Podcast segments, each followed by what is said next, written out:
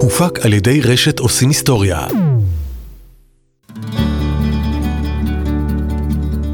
מזון למחשבה, הפודקאסט של אמבר על חקלאות ישראלית. מזון למחשבה, הפודקאסט, אה, הפודקאסט של אמבר על חקלאות ישראלית, שלום רונן שחורי. אהלן. אנחנו מקליטים את הפרק הזה, אתה יודע, העולם שלנו השתנה כמעט לבלי הכר, וגם הפרק הזה מוקלט בהודות לאמצעי הטכנולוגיה בצורה קצת אחרת. אנחנו לא יושבים באותו חדר. אה, נכון, אני נמצא בבית כרגע, ואתה אה, נדמה לי איפשהו במילואים. זה נכון, אני לא תכננתי להעלות את זה, אבל כן, זה נכון. אמ, ואנחנו מדברים היום, הפרק היום הוא על כינוס שערכתם בסוף אה, פברואר, כינוס לקוחות, שחברת אמבר ערכה, כשהעולם נראה אחרת לחלוטין. כן, הכנס שלנו בעצם נערך ב-24 לפברואר. כבר היו אה, ידיעות, היה קצת יותר מידיעות על מה שקורה במזרח הרחוק, אבל זה נראה נורא רחוק. Mm-hmm. אה, נראה שזה בסין ואולי בעוד כמה מדינות אחרות, אבל אה, זה נראה באמת אה, מאוד מאוד רחוק מאיתנו. וקיימנו את הכנס הזה, כן, לפני משהו כמו חודש וחצי, שעדיין אפשר היה ללחוץ ידיים. זה המדד מבחינתך. אה, כן, זה מדד, ואפשר היה לקיים אה, אירוע של... אה, של כמעט 700 איש, מה שהיום נראה כמו היסטוריה רחוקה. אז בוא נדבר שנייה אחת, מה היה הרעיון מאחורי הכינוס? מה, מה המטרה של כינוס הלקוחות של אמבר? בעצם בכנס רצינו גם לייצר את הקהילתיות הזאת שקיימת כשעובדים עם אנשים, עם אנשי עבודה, mm-hmm. ומעבר לזה גם להעביר, להעביר גם ערכים מקצועיים, גם, אנחנו ארגנו בעצם מספר הרצאות, הרצאות מקצועיות, אה, הרצאה אחת אה, דיברה על חדשנות בחקלאות. אה, הרצאה נוספת, שבעצם המרצה שלה הוא אחד מהמרואיינים בפרק הזה, הייתה בנושא של כל מה שקשור בוולטיליות של מסחר בגרעינים על, על החקלאים. Mm-hmm. ולאחר מכן בעצם התפצלנו לשלושה מסלולים מקצועיים, היה מסלול בעלי כנף, מסלול רפת חלב ומסלול צאן. מה שבעצם אה, מאגד את הכינוס כולו, בעצם את כל המושבים ואת כל השיחות של אנשים, זה ההזנה של משק החי. אה, נכון, בעצם הלקוחות שלנו הם חקלאים שעוסקים במשק החי. יש גם לולנים שעוסקים בפטם, גם לולנים שעוסקים בהטלה, גם רפתנים שמגדלים פרות לחלב, גם נוקדים שמגדלים צאן.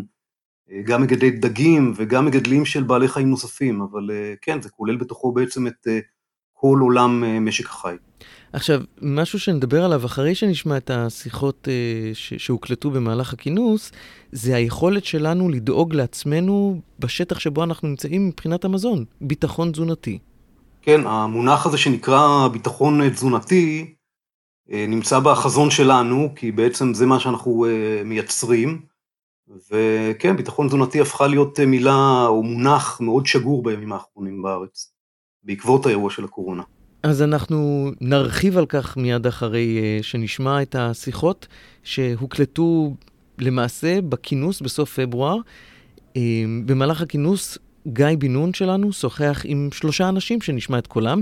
חיים ערב שהוא לולן, מנהל חברת א' בר, שאחראית על אינטגרציית גידול התרנגולות של חברת אמבר. עם עדי פנחס, מנכ"ל חברת קומודקס, שהיא חברת ייעוץ בשוק הסחורות. ומיגל יופה, שכבר יותר מ-45 שנים עובד בכל מה שקשור לרפת, החל מהרפת בלהבות חביבה, עבור במרכז המזון בכפר ויטקין, והיום הוא אחראי על ענף הבקר כולו במושב. איתו, עם מיגל, נתחיל את המסע. קרו כמה מהפכות בתוך הענף הזה, כפי שאני רואה, כפי שחוויתי אותם, כפי שאני חי אותם. עד אמצע שנות ה-70, כל רפתן היה מייצר לעצמו את המזון שלו.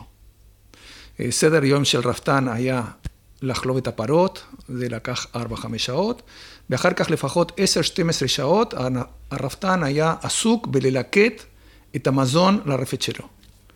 כלומר, לא היה לזה שום היגיון, לא כלכלי, לא מקצועי, לא ביצועי, לא מבחינת איכות החיים של הרפתן, אבל אלה היו התנאים, ודרך אגב, היום רוב העולם עדיין העסק מתנהל ככה, שאותו רפתן גומר לחלוב ויוצא לו לחפש את המזון של הפרות שלו. אז באותם השנים התפתחה אה, תיאוריה שהגיעה יחד עם המיכון, כלומר היה פה סימביוזה בין התפתחות טכנולוגית לבין התפתחות רעיונית. ההתפתחות הרעיונית היה המנה הקולית. קודם כל, הפרה קיבלה ביס מכל אחד מהמזונות השונים. יש קבוצות שונות של מזונות, אז הפרה הייתה מקבלת במשך היום, פעם הייתה מקבלת חציר, ופעם הייתה מקבלת תערובת, ופעם הייתה מקבלת תחמיץ, וזה היה קורה לאורך כל היום, כל פעם הייתה מקבלת את המזון שהרפתן הצליח לארגן באותו רגע. התיאוריה של המנה הקולית מדברת על אינטגרציה של כל המזונות, של כל ביס שהפרה נותנת, היא מקבלת את כל אבות המזון. כלומר, זה לא שבבוקר מקבלת חלבון, ואחרי הצהריים מקבלת ויטמינים, ובלילה מקבלת מינרלים, אלא שכל ביס שהפרה נותנת, היא מקבלת את המזון שלה, את כל מה שהיא צריכה. זה הגיע יחד עם המהפכה הטכנולוגית שהייתה עגלה מערבלת. כלומר, הגיע כלי שמסוגל לייצר את הסיפור הזה. הראשונים שנכנסו לזה היו כמובן הקיבוצים. במושבים ראו ממול איך הקיבוצים מתקדמים, וממש ברחו להם. כלומר, שהמושבניקים עוד היו במונחים של ייצור שנתי 6-7 אלף ליטר לפרה, הקיבוצים כבר הגיעו לרמות של 8 ו-9 אלף. ואז נולד הצורך אה, של המושבים ליישם גם את התיאוריה התזונתית וגם את הטכנולוגיה, שזה היה בלתי אפשרי למושבניק שיש לו 30 פרות. ומשם נולד המרכז מזון. וחלק מהותי מהמזון לבעל החי, גם לפרה וגם לתרנגולת, כפי שנשמע בהמשך, הוא תירס. והמזון לבעל החי, מן הסתם, הוא אחד המרכיבים החשובים והעיקריים בגידולו. ולמחירו יש משמעות גדולה מאוד. עדי פנחס. תירס למעשה הוא הסחורה השלישית בסחירותה בעולם אחרי נפט וקפה. אה, בכל דבר שאנחנו אוכלים כמעט יש תירס. תירס משמש אה, כהזנה לבעלי חיים, ולכן כל שרשרת המזון, למעשה על כל קילוגרם עוף שיש לנו בצלחת, יש קצת פחות משני קילוגרם תערובת שבתוכה יש תירס, או הדגים שגדלים בבריכות, או הפרות. והפרות זה כמובן ההשלכה זה החלב, וכמובן מוצרי החלב, ואם אנחנו מדברים על העופות, על הפטם, אז זה כמובן הביצים, למעשה כל השרשרת. יתרה מכך, גם אפילו אריזות היום, שאתה לוקח קרטון ועמידנים, הרבה מזה מיוצר מתירס, וניקח אותך עוד שלב קדימה, כל אנרגיה ירוקה, אתנול, תחליף לדלק, מיוצר מתירס. זאת אומרת, כל דבר כמעט אה, אה, נוגע בתירס. עכשיו, לימדו לנו בכלכלה שמה שמשפיע על המחיר זה ביקוש והיצע. וביקוש והיצע זה מתחלק לכל כך הרבה גורמים. ממגבלות שטחי הגידול בעולם ועד נושא המים אה, ועד נושא הגיאופוליטיקה. ואתה מגיע למגבלות רגולטוריות ולבעיות יבול ולמזג אוויר. זאת אומרת, יש כל כך הרבה גורמים שאי אפשר להסביר גורם אחד ולהגיד זה משפיע על המחירים.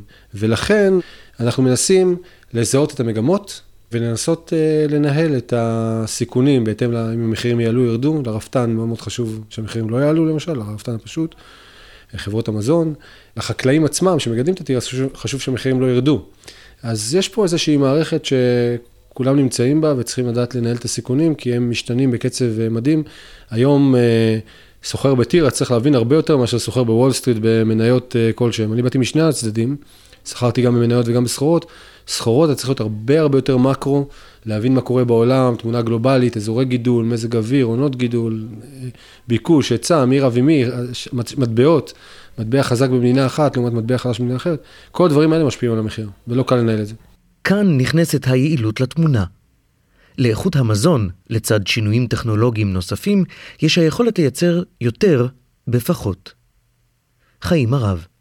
בשנת 92 היינו משווקים עופות בגיל בערך 54 יום, עד אפילו 57 יום. היינו מקבלים משקל של בערך 2,200 עד 2,400 קילו לתרנגול. וניצולת המזון, שזה, ניצולת המזון זה, זה אחד המדדים הכי חשובים וכלכליים, זה בעצם כמה מזון אני, התרנגול צורך בשביל לייצר קילוגרם אחד של בשר.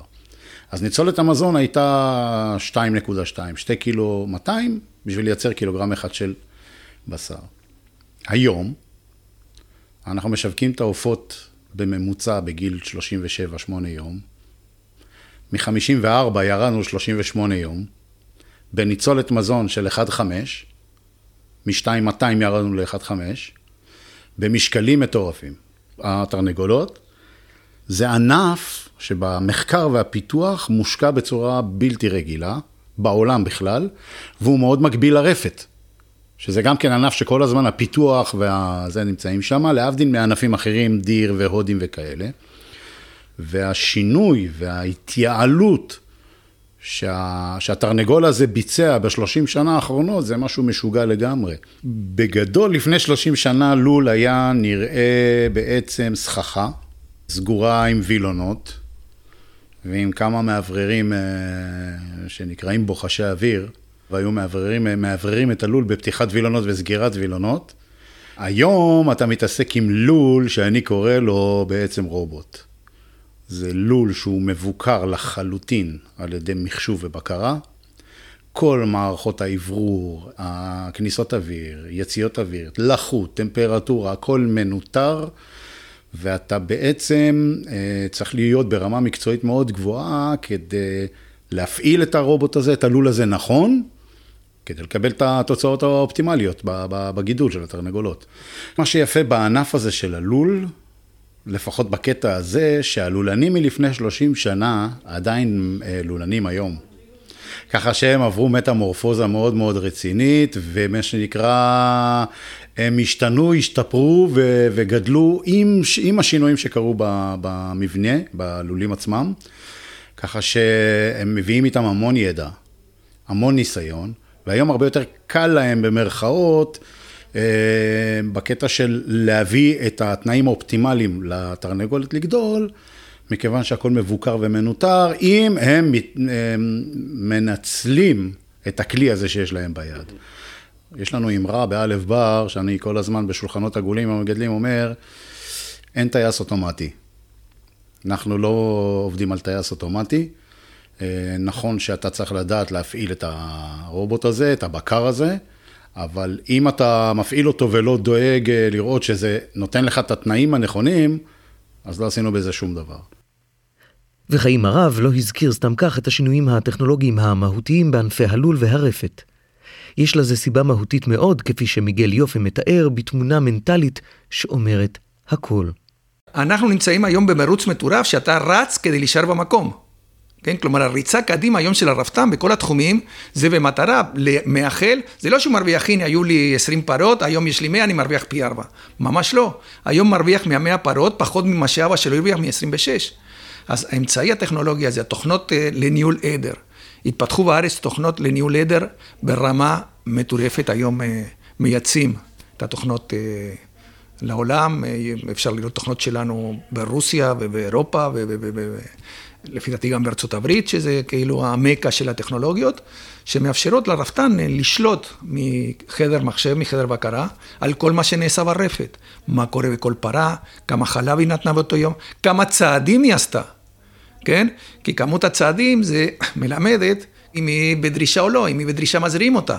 חייבים להזריע אותה בשלב של האיחום. איך מגלים את האיחום?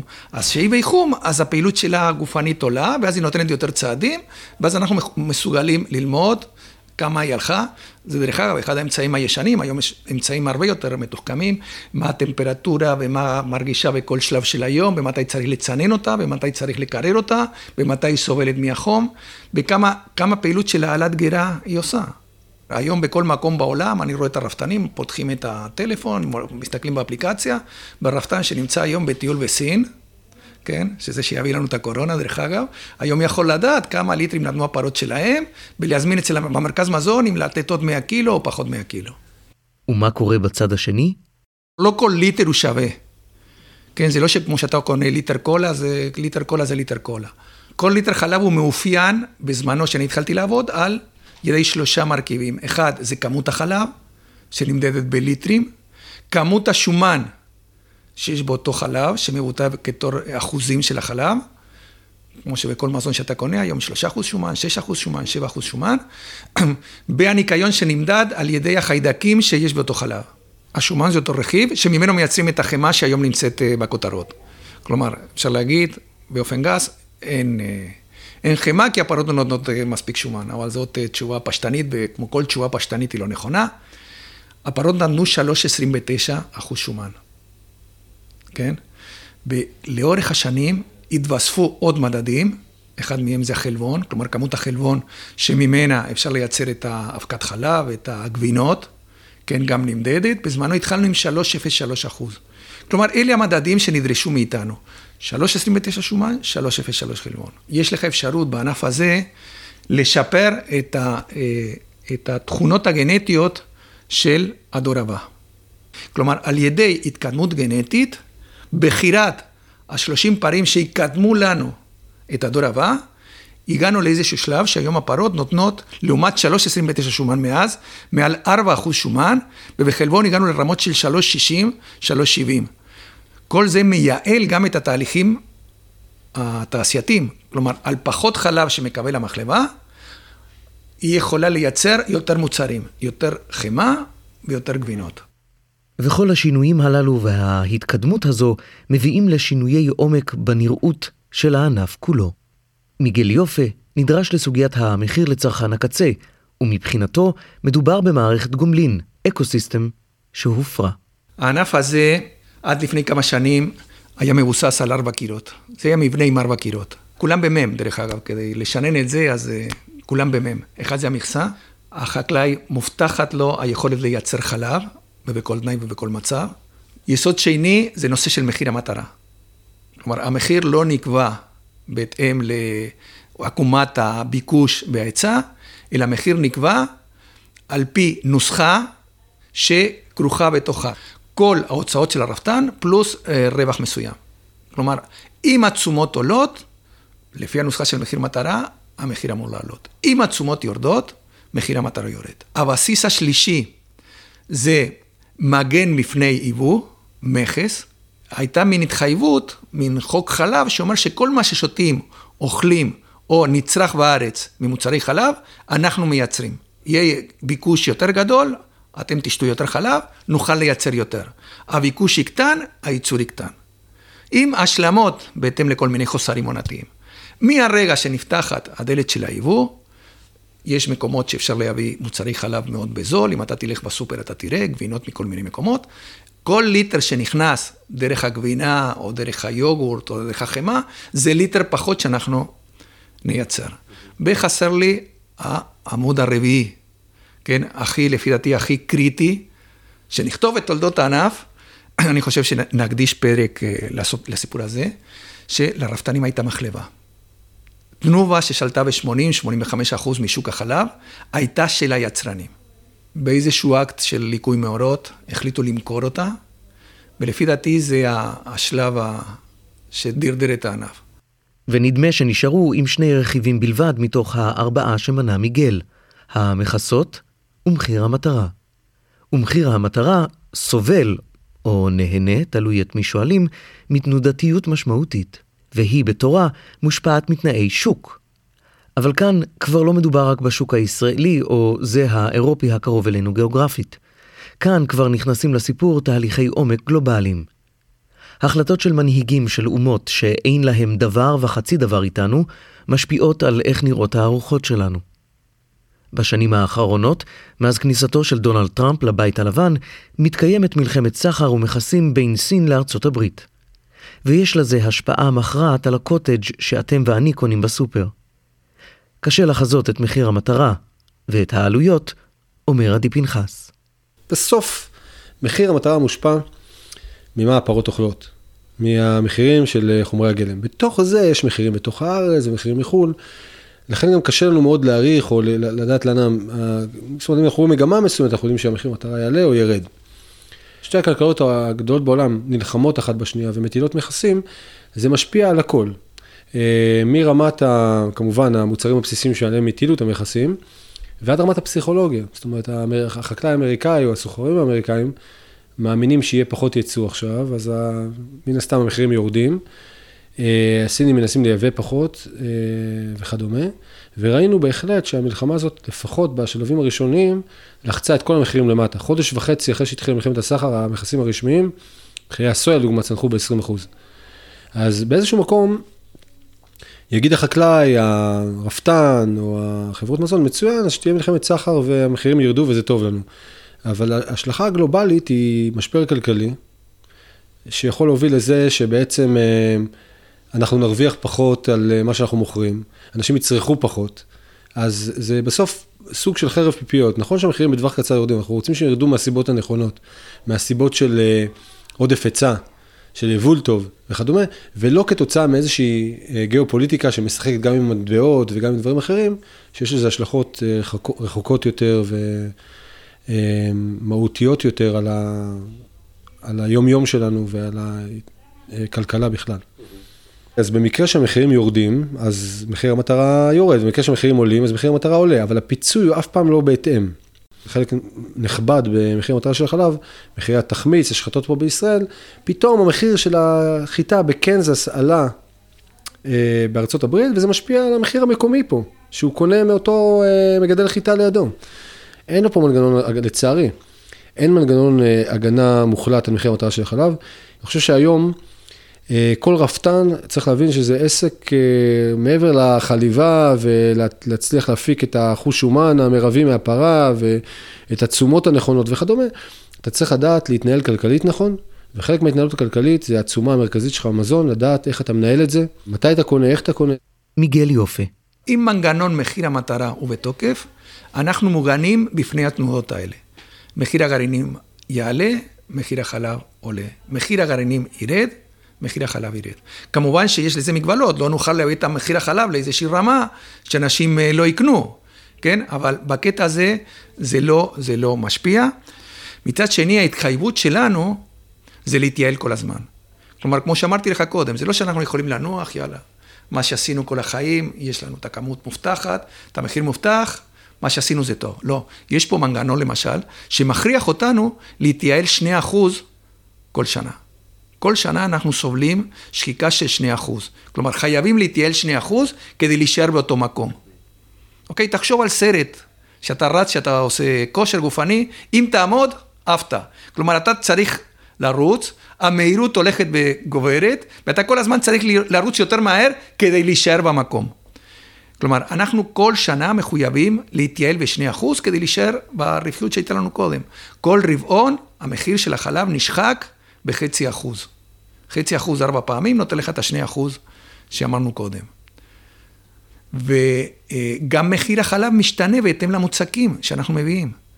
כלומר, אם פעם קיבלנו פרס על להביא שומן מעל 3.20 או חלבון מעל 3.03, היום כדי לקבל אותו פרס, אנחנו צריכים להביא שומן של 3.90 בחלבון של 3.40. כלומר, גם המדדים מתעדכנים. ככל שאנחנו יותר יעילים, ככל שאנחנו מתקדמים, ככל שאנחנו מקבלים, מקבלים תוצאות יותר טובות, אז זה הופך לנורמה, לרף, לקראת המחיר החדש של החלב. לצורך זה נערכים כל שנתיים סקר, יש סקר רווחיות. היום למשל אנחנו סובלים מסקר שנערך בשנת 2017, הייתה שנה טובה לרפת.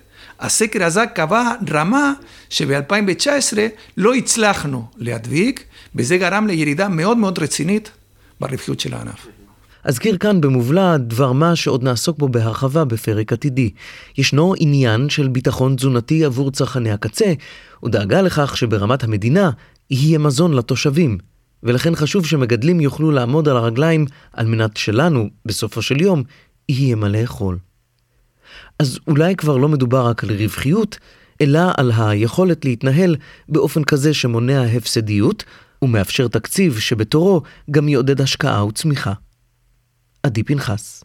יש בהחלט לא מעט אה, כלים להתמודד עם עליית המחירים. כלים פיננסיים, כלים אה, שונים של אה, אה, ניהול סיכונים, שגם הרפתן הקטן בחלקת האלוהים הקטנה שלו יכול לנהל את הסיכונים. כי אם אנחנו יודעים שבסופו של דבר, מחיר המטרה של החלב הוא זה שיקבע את ההכנסה שלו, ובסוף התשומה המרכזית שלו היא המזון. והמחיר של אותו מזון שהוא קונה נקבע בסופו של דבר בבורסה בשיקגו. אז היום אנחנו יודעים בעצם גם לתת, להנגיש לאותו אה, רפתן את הבורסה בשיקגו, ושיקנה סוג של ביטוח. היום יש רפתנים במדינת ישראל, אולי חלק מששומעים את הפודקאסט יופתעו מזה, אבל יש רפתנים במדינת ישראל שקונים אה, ביטוח מחיר. אני יכול להגיד לך שהחקלאים שמגדלים חיטה במדינת ישראל, והמדינה הגדירה להם שכשהם קוצרים במאי, הם יקבלו ממוצע של ארבעה ימי רביעי בבורסה בקנזס, הגדירו את זה לפני 20 שנה בערך, הם יודעים להגן על עצמם, יודעים לקנות ביטוח, כי אומרים, אם אני יודע את המחיר, וזה שקוף לכל, אז אני יודע לקנות ביטוח על אותו מחיר, שאם המחיר ירד, אני אהנה מאותו ביטוח, ויש עלות מסוימת. כנ"ל הרפתנים, גם הרפתן הקטן היום יכול לראות שהמחיר נוח לו, ויכול לבטח את עצמו קדימה כמו כל ביטוח, שבמקרה של תאונה, המשמעות של תאונה כמובן זה שהמחיר יעלה בצורה חדה, כמו שקרה בקיץ 2019, הוא ייהנה מביטוח, הוא בעצם ייהנה מהשלמת הכנסה לאור העובדה שהוא שילם מחיר מאוד מאוד גבוה. נתתי דוגמה בהרצאה שעשיתי אה, בכנס, שבאותו חודש רפתן אחד שילם 200 דולר לטון ורפתן אחר שילם 240 דולר לטון. ההבדל הוא שמיים וארץ, ההבדל הוא בין רווחיות להפסד. אז איך יראה השוק בעתיד? מיגל יופה בוחר לענות על השאלה הזאת באמצעות סיפור מההיסטוריה. בשנת 1850 מלכת ויקטוריה מאנגליה הזמינה סקר איך תיראה לונדון בשנת 1950. כלומר, מאה שנה אחרי זה, איך לונדון תיראה. כן, היא גם רצתה להתכונן לעתיד. אז הביאו כלכלנים, והביאו חבר'ה מומחים בתחבורה, והביאו חבר'ה מומחים בבנייה, וחבר'ה מומחים בדמוגרפיה, כל מה שהיה בממלכה, אספו באיזה ועדה, שהייתה אמורה לתת למלכת אנגליה איך לונדון תיראה אחרי מאה שנה. זה קרה ב-1850. כעבור כמה חודשים הוועדה הגישה את מסקנותיה, והיא אמרה, ב-1950 לא תהיה לונדון. כמות החרא של הסוסים תהיה כזאת, שכל לונדון תהיה שקועה בתוך חרא של סוסים. ב-1950 לא היה אף סוס בלונדון. ככה שזה מה, ש... מה ששוות תחזיות. למרות זאת, אני אתן לך את התחזית שלי. זה כואב לי מאוד בתור, בוא נגיד, בתור אחד שחי כל השנים שלו בתוך הרפת המושבית, יהיו בארץ שלוש רפתות של עשרים אלף פרות.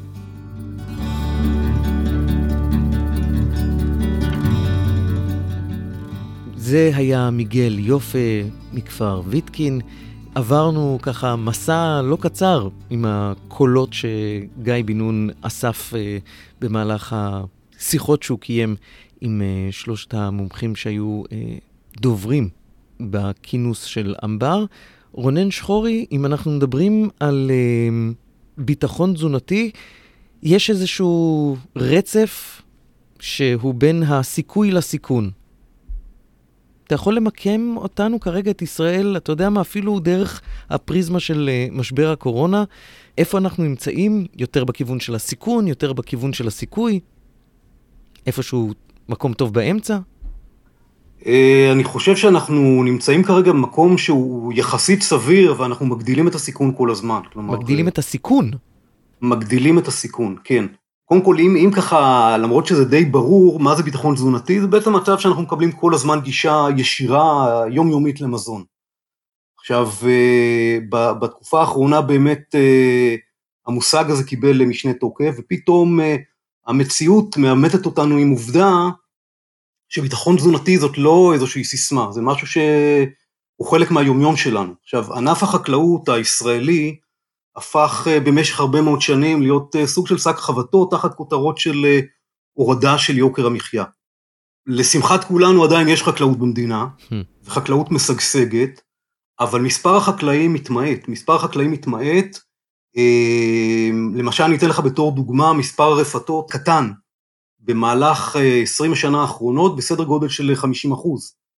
יש פחות ופחות בנים ממשיכים בחקלאות בכלל, ברפתות, בלולים, ואתה יודע, אני לרגע אחד אגע במה שדיבר עליו אה, מיגל, ממש בסיפה של הדברים שלו, הוא דיבר על שלוש רפתות גדולות בישראל, mm-hmm.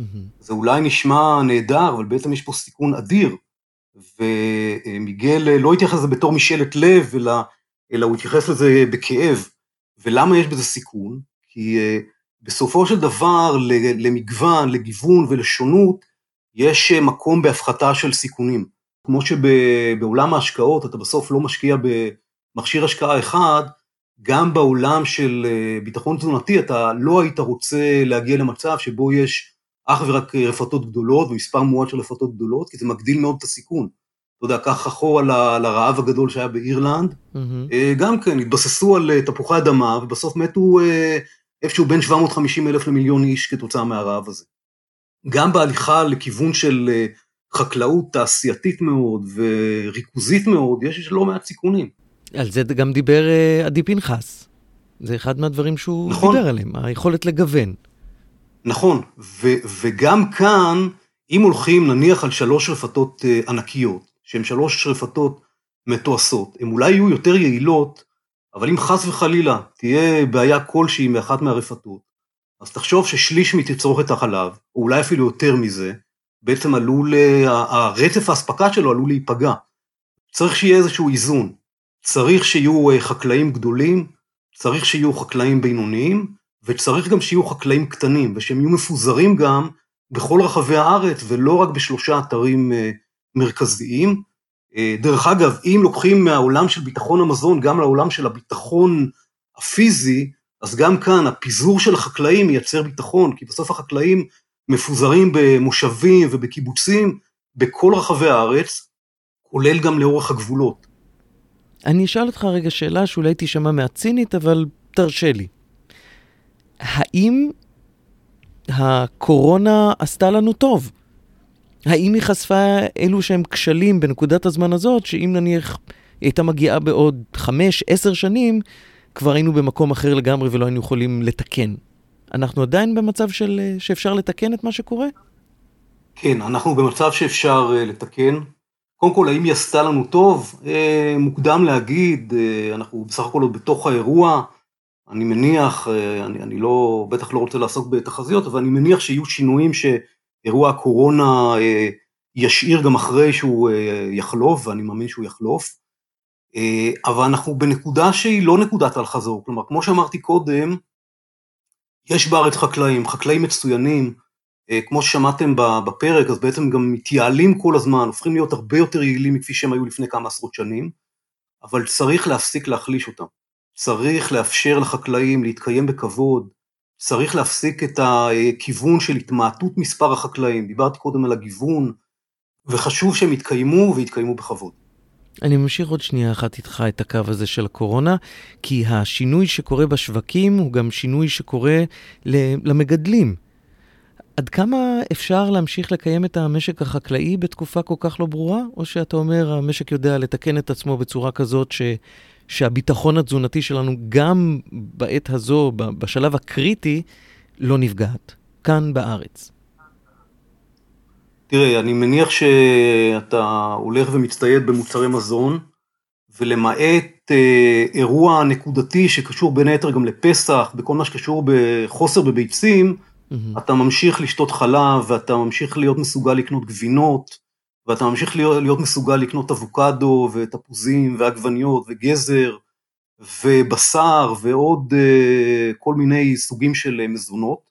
בסופו של דבר החקלאות עובדת, אני לא רוצה להגיד כרגיל, אבל בעצם הצרכן הישראלי כמעט ולא מרגיש בפגיעה. כלומר, בסך הכל החקלאות, גם בזמנים של מלחמה, המשיכה לעבוד כמעט כרגיל, ושמרה על רצף אספקה של, של מזון לתושבים במדינת ישראל. אז אה, בסך הכל, כמו שאתה רואה, יש, יש רציפות, יש רצף, ויש אספקה סדירה של אה, מוצרי מזון של החקלאות הישראלית אה, כאן בארץ.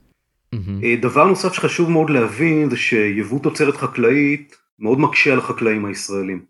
כתוצאה מזה בעצם יותר ויותר חקלאים, בעיקר בתחום של הצומח, משמידים תוצרת. אה, בעצם העידוד של היבוא גדל גם הסיכון של החקלאים. חשוב שנזכור את זה כשנצא מהאירוע של הקורונה, וחשוב שנעודד חקלאות ישראלית במקום אה, להכשיל אותה. צריך לאפשר לחקלאים הישראלים, גם במושבים וגם בקיבוצים, להתקיים בכבוד. ודווקא בעקבות האירוע של הקורונה יש לנו הזדמנות לתקן ולעודד את החקלאות בארץ, מתוך ההבנה של החשיבות של הביטחון התזונתי. רונן שחורי, אה, מאמבר, הפודקאסט שלנו עכשיו אה, מקבל איזשהו שינוי אה, לפי הזמנים. מעניין לראות איך החקלאות תיראה דרך הפריזמה הזאת, לא? כן, מעניין, אבל אני מאחל לחקלאות הישראלית שתשגשג, כמו שאמרתי קודם, שהחקלאים אה, יוכלו להרים את הראש בגאווה, להתפרנס בכבוד. אה, כן, אני מקווה שהשינוי הזה, יהיה קל יותר ליישם אותו דווקא לאחר אירוע הקורונה. מזון למחשבה, הפודקאסט של אמבר על חקלאות ישראלית, רונן שחורי, תודה רבה לך. תודה רבה. ואני מבקש להודות גם לגיא בן נון, שהלך ואסף את הקולות, ויושב כעת ואורז אותנו באריזת מתנה לכם המאזינים. אנחנו נתראה בפרק הבא, מזון למחשבה, להתראות.